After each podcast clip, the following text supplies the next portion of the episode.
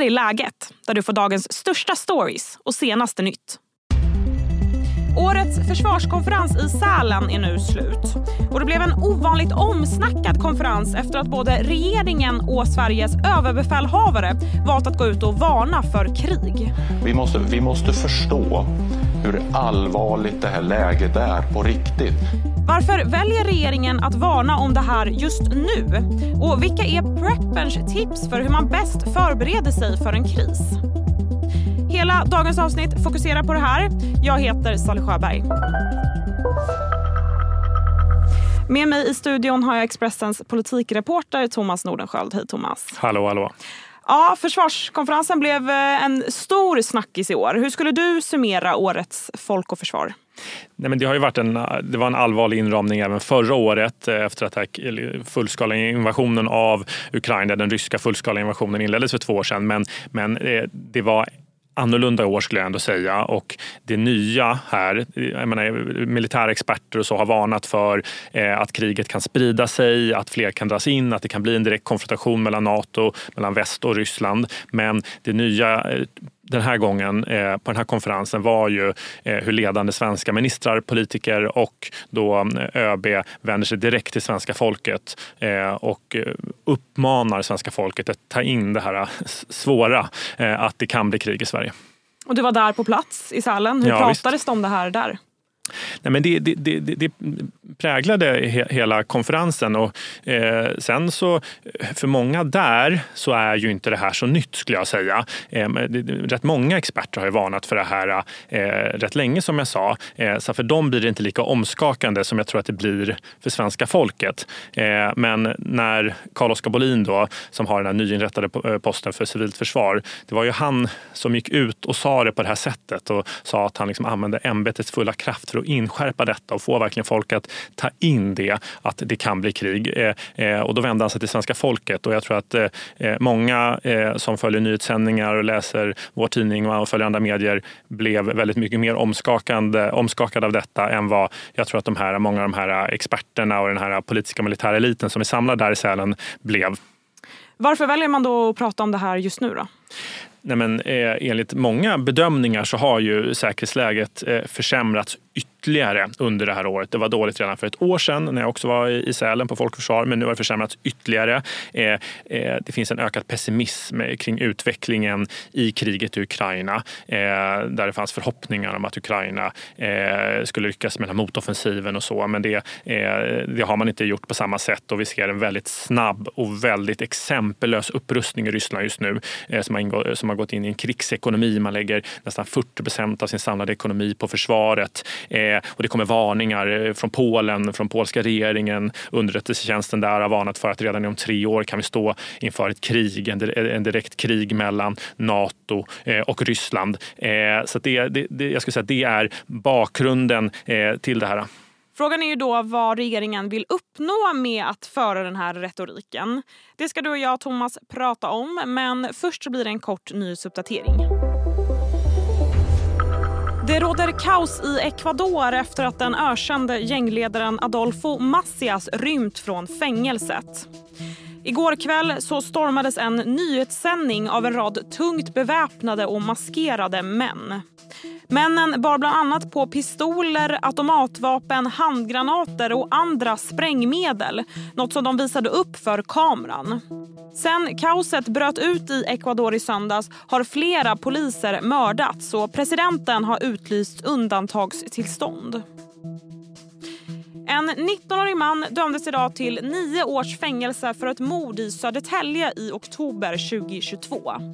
Mordet blev uppmärksammat bland annat för att offret, en man i 40-årsåldern bedömdes som helt oskyldig och inte var den tänkta måltavlan. Åklagaren i målet har förklarat att det rört sig om en så kallad felskjutning. Turerna kring den påstådda springnotan på restaurang Atmosfär i Malmö får en ny vändning. Det var på juldagskvällen som ett stort sällskap besökte restaurangen och åt och drack för över 82 000 kronor. Men sällskapet betalade inte och polisen larmades. Men utredningen lades snabbt ner. Men nu har den öppnats igen av åklagaren Henrik Nordqvist, det skriver Sydsvenskan. Nordqvist säger att det finns ett stort allmänintresse i fallet och att han behöver undersöka fler omständigheter i fallet.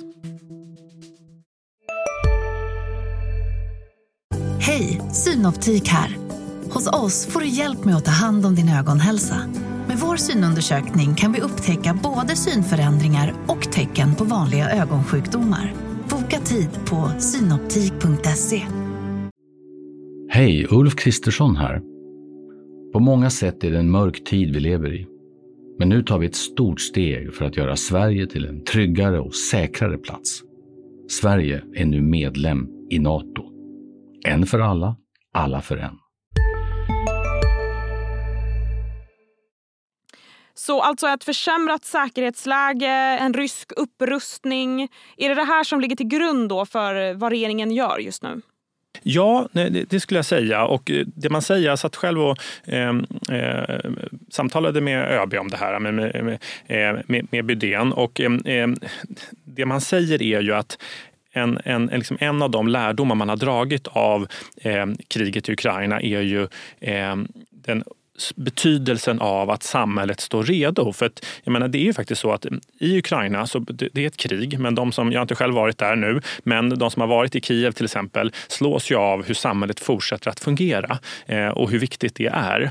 Men för att det ska göra det, alltså att det, allt ska fungera, skolor ska fungera, folk ska fortsätta kunna jobba, för att inte samhället helt ska lamslås så måste det fungera. Men då måste människor vara förberedda. Och, eh, och här finns det ju en oro då som både regeringen ger uttryck för och ÖB eh, och Försvarsmakten att de här eh, nästan 210 åren av fred. Det finns inga levande personer i Sverige som, eh, som har eh, egna minnen av, eh, av krig eller har mor eller farföräldrar eh, som har genomlevt krig i Sverige. Eh, många har det från andra länder. Eh, men att det skapar en sårbarhet och då väl, väljer man att vända sig direkt till svenska folket på det här sättet för att verkligen inskärpa detta men det är ju regeringens förklaring. Oppositionen tycker, har väl tyckt att det här kanske är lite att ta i från tårna. Ja, men Socialdemokraterna har gått ut och eh, ifrågasatt det här eh, en hel del. Lite olika nyanser. Morgan Johansson eh, som är eh, utrikespolitisk talesperson för Socialdemokraterna som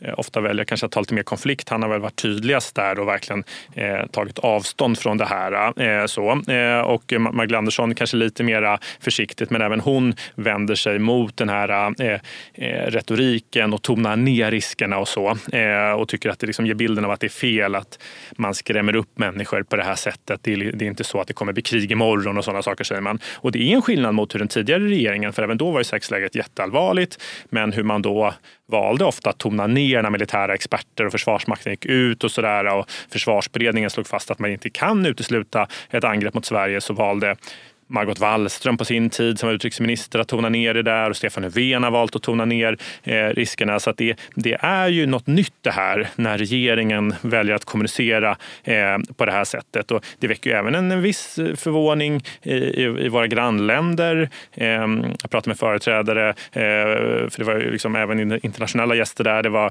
eh, både finska och, och norska ambassadörer och eh, utrikeskorrespondenter och de gav ju uttryck för att man till exempel i Finland inte talar på det här sättet. Där är ju, lever man ju liksom en lång jättelång gräns mot Ryssland. Det är högst reellt.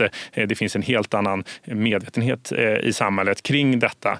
Eh, men det är väl också det då som förklarar att det är så regeringen säger att de behöver kanske inte prata på det här sättet i Finland, men det behöver vi göra här för att medvetenheten finns inte på samma sätt här. Vad får eh, det här för konsekvenser tror du? Hur kommer man fortsätta prata om det här?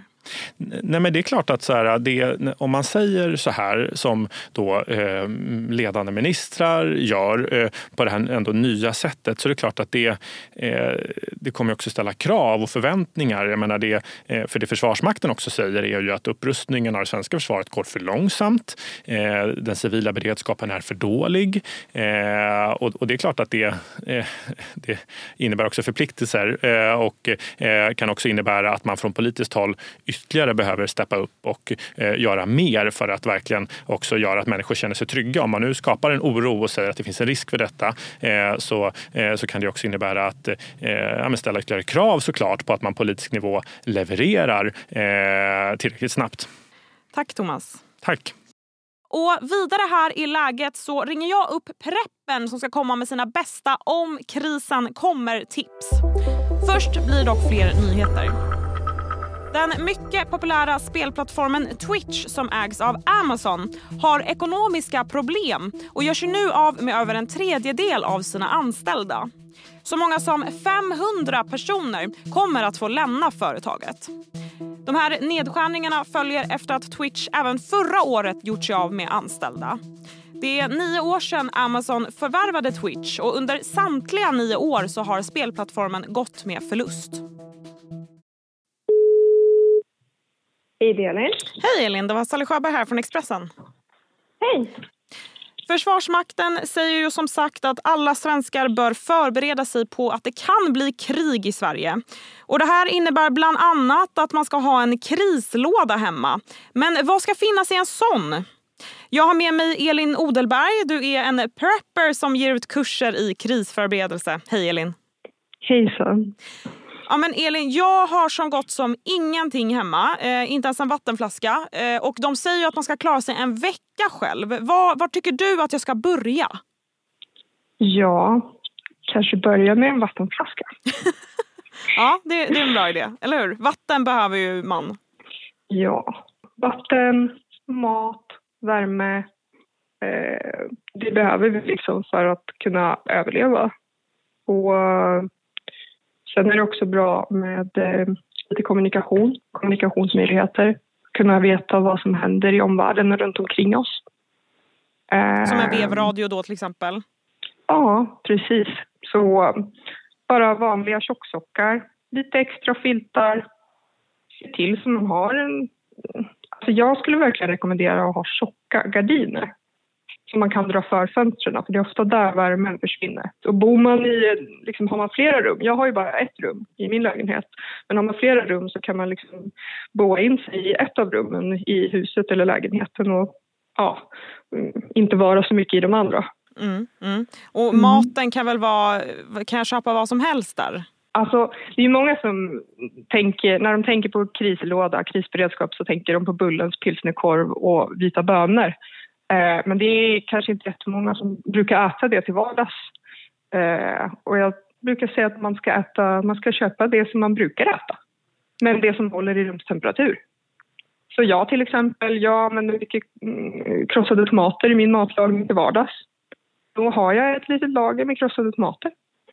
Exakt, kan man bara köpa en, en extra när man är på affären? Ja, kanske inte en extra, men att ha liksom, eh, att ha för, jag har liksom för typ ett, ett par veckor liksom, då köper jag när det är på kampanj då sparar man pengar och eh, så har man det hemma liksom. Men sen är det inte så mycket energi eh, i krossade tomater så då har jag lite lite konserverade kikärtor eller lite konserverade röda linser, alltså saker med protein. Man får tänka på energivärde också. Du berättade att du bor i, eh, din lägenhet har ett rum och när man pratar om så här, alla de här grejerna man behöver tänker jag att det tar mycket plats. Hur har du löst det där? Alltså man får plats med betydligt mycket mer än vad man tror. Jag tror jag får plats med typ 70 liter vatten under min säng. Och då är det en, vanlig 1,20 säng. Och eh, mycket av det som man behöver preppa är saker som man använder till vardags. Alla borde ha en brandsläckare alla borde ha en första hjälpen-låda med sax och bandage och plåster och lite sårtvätt och sånt. Okej, så det finns alltså vissa praktiska saker man kan ha men Försvarsvakten var ju inne på att man också ska mentalt förbereda sig. Hur kan man tänka där? Mm. Om man tycker att det är... Alltså jag tycker att det är bra att vara lite rädd en liten stund så att man faktiskt kommer igång och tar sig iväg till affären och köper det där vattnet och köper den där maten. Eh, och så kan man göra det en gång. Men sen så behöver man inte vara rädd något mer sen, för då är man förberedd. Eh, det, det, är inte så, det är inte så avancerat och liksom bara för att man är förberedd för någonting, för, för så att man kan hantera någonting krisartat så betyder inte det att man ska gå runt och tänka att det kommer hända varje dag. Det är som en hemförsäkring. Vi behöver inte tänka att det kommer börja brinna varje dag vi har en hemförsäkring eller innan vi tecknar en hemförsäkring. vi behöver inte vara megarädda utan vi skaffar den för att det inte ska bli en kris eller katastrof om det blir en vattenläcka. Det ska inte bli mer kris än vad det är. Exakt. Och, och, alla de här sakerna som vi lyfte och några fler står ju i MSBs folder som finns att hitta online om man googlar. Ta tack så mm. jättemycket mm. Elin. Tack själv. Och det var allt för idag. Läget kommer ju ut varje vardag så se till att du följer podden så missar du inga avsnitt. Tack för att du har lyssnat. Du har lyssnat på en podd från Expressen. Ansvarig utgivare är Klas Granström.